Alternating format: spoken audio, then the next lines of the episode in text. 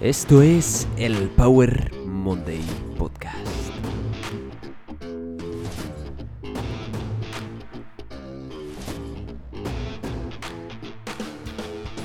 Bienvenidos al Power Monday Podcast, soy Pau, tu persona de fitness, motivación y ciencia. Respira. Respira profundamente tres veces. Uno. Dos. Tres. ¿Qué pasa aquí? ¿Qué estás haciendo, Pau? Pues básicamente lo que se ha demostrado en algunos estudios es que tres inhalaciones profundas son capaces de modular la tensión arterial, disminuyendo la presión arterial, que es uno de los principales marcadores de riesgo cardiovascular. Así que hoy vamos a ver un Power Monday Express sobre la respiración. Como dijo Joseph Pilates, Breathing is the first act of life and the last. Respirar es el primer acto de vida y el último. Respirar es el primer acto de vida y el último. Respirar es esencial en nuestra vida. Aún así, nadie te ha enseñado cómo respirar y respiras más de 25.000 veces al día. Probablemente ahora, al escuchar esto, estés poniendo atención a cómo respiras. Y cómo respiramos es muy importante. Cómo respiramos impacta directamente nuestro sistema cardiovascular, nuestro sistema neuromuscular y nuestra función endocrina. Incluso influye en nuestro metabolismo. Respirar, este instinto tan básico, nos permite alterar nuestra fisiología a conciencia cuando ponemos atención y dedicación a cómo respiramos. Recientemente muchas técnicas se están haciendo virales como la respiración del método de Wim Hof, el Breath of Fire y otros. Aún así, poco se habla de lo importante que es respirar adecuadamente día a día, que esto lo vamos a ver más adelante. Así que lo que observamos es que todas las culturas y todas las religiones tienen alguna técnica de respiración para mejorar su salud, ya sea a corto plazo o a largo plazo, pero sobre todo mejorar su foco y su concentración.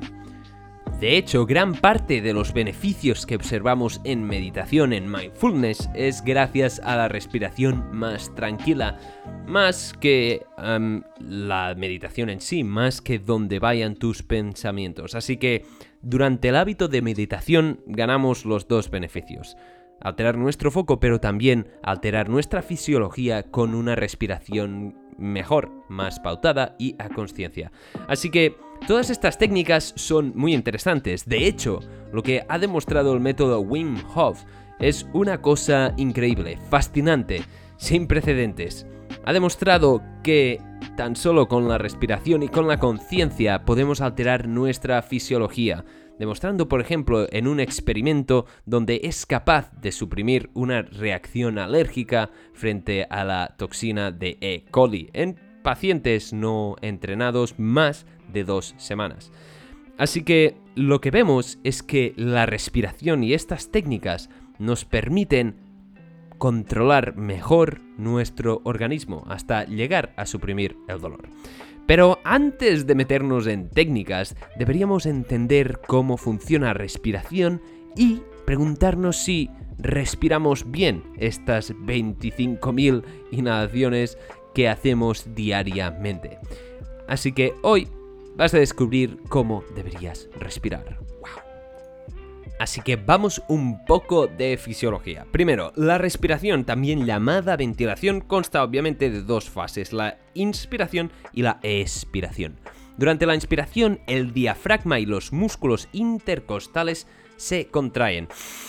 Aquí está contrayendo el diafragma. El diafragma se mueve hacia abajo aumentando el volumen de la cavidad torácica, el tórax, y los músculos intercostales tiran de las costillas hacia arriba y hacia afuera expandiendo la caja torácica, aumentando aún más este volumen torácico. Uno de los principales problemas que encontramos con malas respiraciones es que a menudo hacemos unas respiraciones demasiado torácicas, es decir, creemos que para inspirar bien debemos hinchar más el tórax, pero en realidad debemos utilizar más el diafragma, expandir más nuestra barriga, por decirlo así, y que se mueva la parte más abdominal y así respiraremos mejor. De hecho, es una de las técnicas principales de los cantantes. Este cambio de volumen que se produce en los pulmones es lo que hace que entre aire, porque en realidad no succionamos, ya que debido a que el aire tiende a ir de una situación de más presión a menor presión, cuando hinchamos los pulmones es que estamos ofreciendo al aire un lugar de menor presión. Entonces el aire entra y es cuando se produce el intercambio o la respiración externa, este intercambio de gases donde cogemos oxígeno y echamos el CO2 y nuestra sangre se oxigena. Entonces la pregunta que viene, ¿estás respirando bien? Y para entender qué es respirar bien, debemos preguntarnos, ¿respiras por la nariz o respiras por la boca? Respirar por la nariz o por la boca puede tener un efecto muy distinto, dramáticamente distinto para nuestra salud. Recientemente se están acumulando muchos estudios que demuestran cómo respirar por la boca de manera crónica nos afecta negativamente, causando hasta modificaciones en nuestra cavidad oral y la disposición de los dentes, es decir, cambios estéticos en nuestra cara. Es decir, cómo respiramos impacta directamente nuestra salud solo si respiramos por la nariz o por la boca. ¿Cómo puede ser esto? Pues bien, Respirar por la boca aumenta el riesgo de padecer apneas nocturnas, es decir, padecer ronquidos, por lo tanto, respirar mal durante nuestro sueño y por lo tanto dormir mal, sacar un mal beneficio de dormir. Esto disminuye los niveles de óxido nítrico, aumenta el riesgo de infecciones en las vías aéreas, aumenta la tensión arterial, el riesgo cardiovascular. Increíblemente, la respiración bucal es el primer predictor del mundo de las caries dentarias. Por lo tanto, respirar por la boca tiene un mayor impacto sobre la probabilidad de que tengas caries que el azúcar y no rentarse los dientes. Increíble. Increíble, es decir, si respiras por la boca tienes mayor riesgo de padecer problemas en los dientes. Esto se debe a que a largo plazo nuestra respiración puede modificar completamente nuestra fisiología. Parece ser que la mejor idea es respirar por la nariz. Este pequeño hábito de respirar por la nariz ha demostrado que frente a la respiración vocal puede aumentar hasta 6 veces los niveles de óxido nítrico. El óxido nítrico es esta pequeña molécula de NO que nos permite mejorar nuestra circulación nos permite disminuir la presión arterial, primer factor de riesgo para morir de enfermedades cardiovasculares, y nos ayuda a mantener una frecuencia cardíaca constante. Esto también nos ayuda a tener una mejor circulación a nivel cerebral, lo que nos permite consolidar mejor la memoria y tener más energía a lo largo del día. Probablemente lo más importante de este hábito es que nos permite disminuir las apneas nocturnas, los ronquidos, es decir, nos permite respirar de forma adecuada mientras dormimos, sacando el mayor provecho de nuestro sueño. Y la respiración mientras dormimos es muy importante, ya que si no tenemos suficiente oxígeno o unos niveles adecuados de oxígeno, no, no vamos a sacar el mayor rendimiento de la reparación que es dormir. Y si quieres más información sobre dormir, puedes echar un vistazo al episodio número 30 de este podcast, donde hablo de dormir, el hábito más importante para nuestra salud.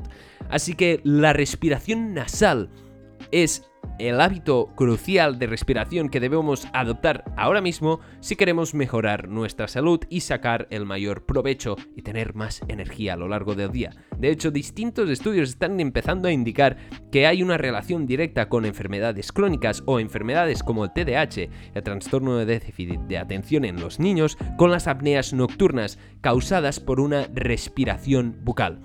No estoy diciendo que respirar sea una cura para todo, sino que es uno de esos cabos sueltos, una de esas cosas que a menudo no prestamos suficiente atención y que quizás tenga mucha más relevancia de la que parece. Para comprobar los beneficios de la respiración nasal nocturna, tengo una propuesta para ti que puede sonar un poco locura. Esta propuesta es la de taparte la boca mientras duermes con una cinta aislante. Sí, sé que parece locura, pero Esto es seguro y ha demostrado que permite aumentar la respiración nasal y curiosamente disminuir la apnea. Por último, otro dato muy importante sobre la respiración nasal es que nos permite filtrar el aire disminuyendo nuestro riesgo de enfermedades de vías aéreas superiores, es decir, todas las bacterias, los virus como el COVID-19 y todo esto. No digo que sea una cura para todo, sino que nos permite disminuir el riesgo de padecer enfermedades. ¿Por qué? Porque la nariz está diseñada por esto, todas estas estructuras cavernosas que tenemos eh, una mucosa y unas células que están preparadas para procesar toda la materia que viene de fuera. La boca está para comer, la nariz está para respirar. Esa era la intención. Este órgano sirve para esto. Y esto es todo por este episodio. Espero que hayas sacado muchísimo valor de él o hayas aprendido algo. Recuerda, si te ha gustado, por favor, envíame un comentario, mándame un mensaje en las redes, te lo voy a responder encantadísimo. Recuerda que respirar por la nariz es mucho mejor que respirar por la boca y puede tener impactos directos a tu salud. Así que espero que ahora mismo estés respirando por la nariz, porque es un órgano que nos sirve muy bien. Muchísimas gracias por estar ahí. Te deseo una semana llena de respiraciones profundas y calmadas. Y si quieres más información sobre respiración, vas a encontrarlo aquí en el Power Monday Podcast en otros episodios. Chao.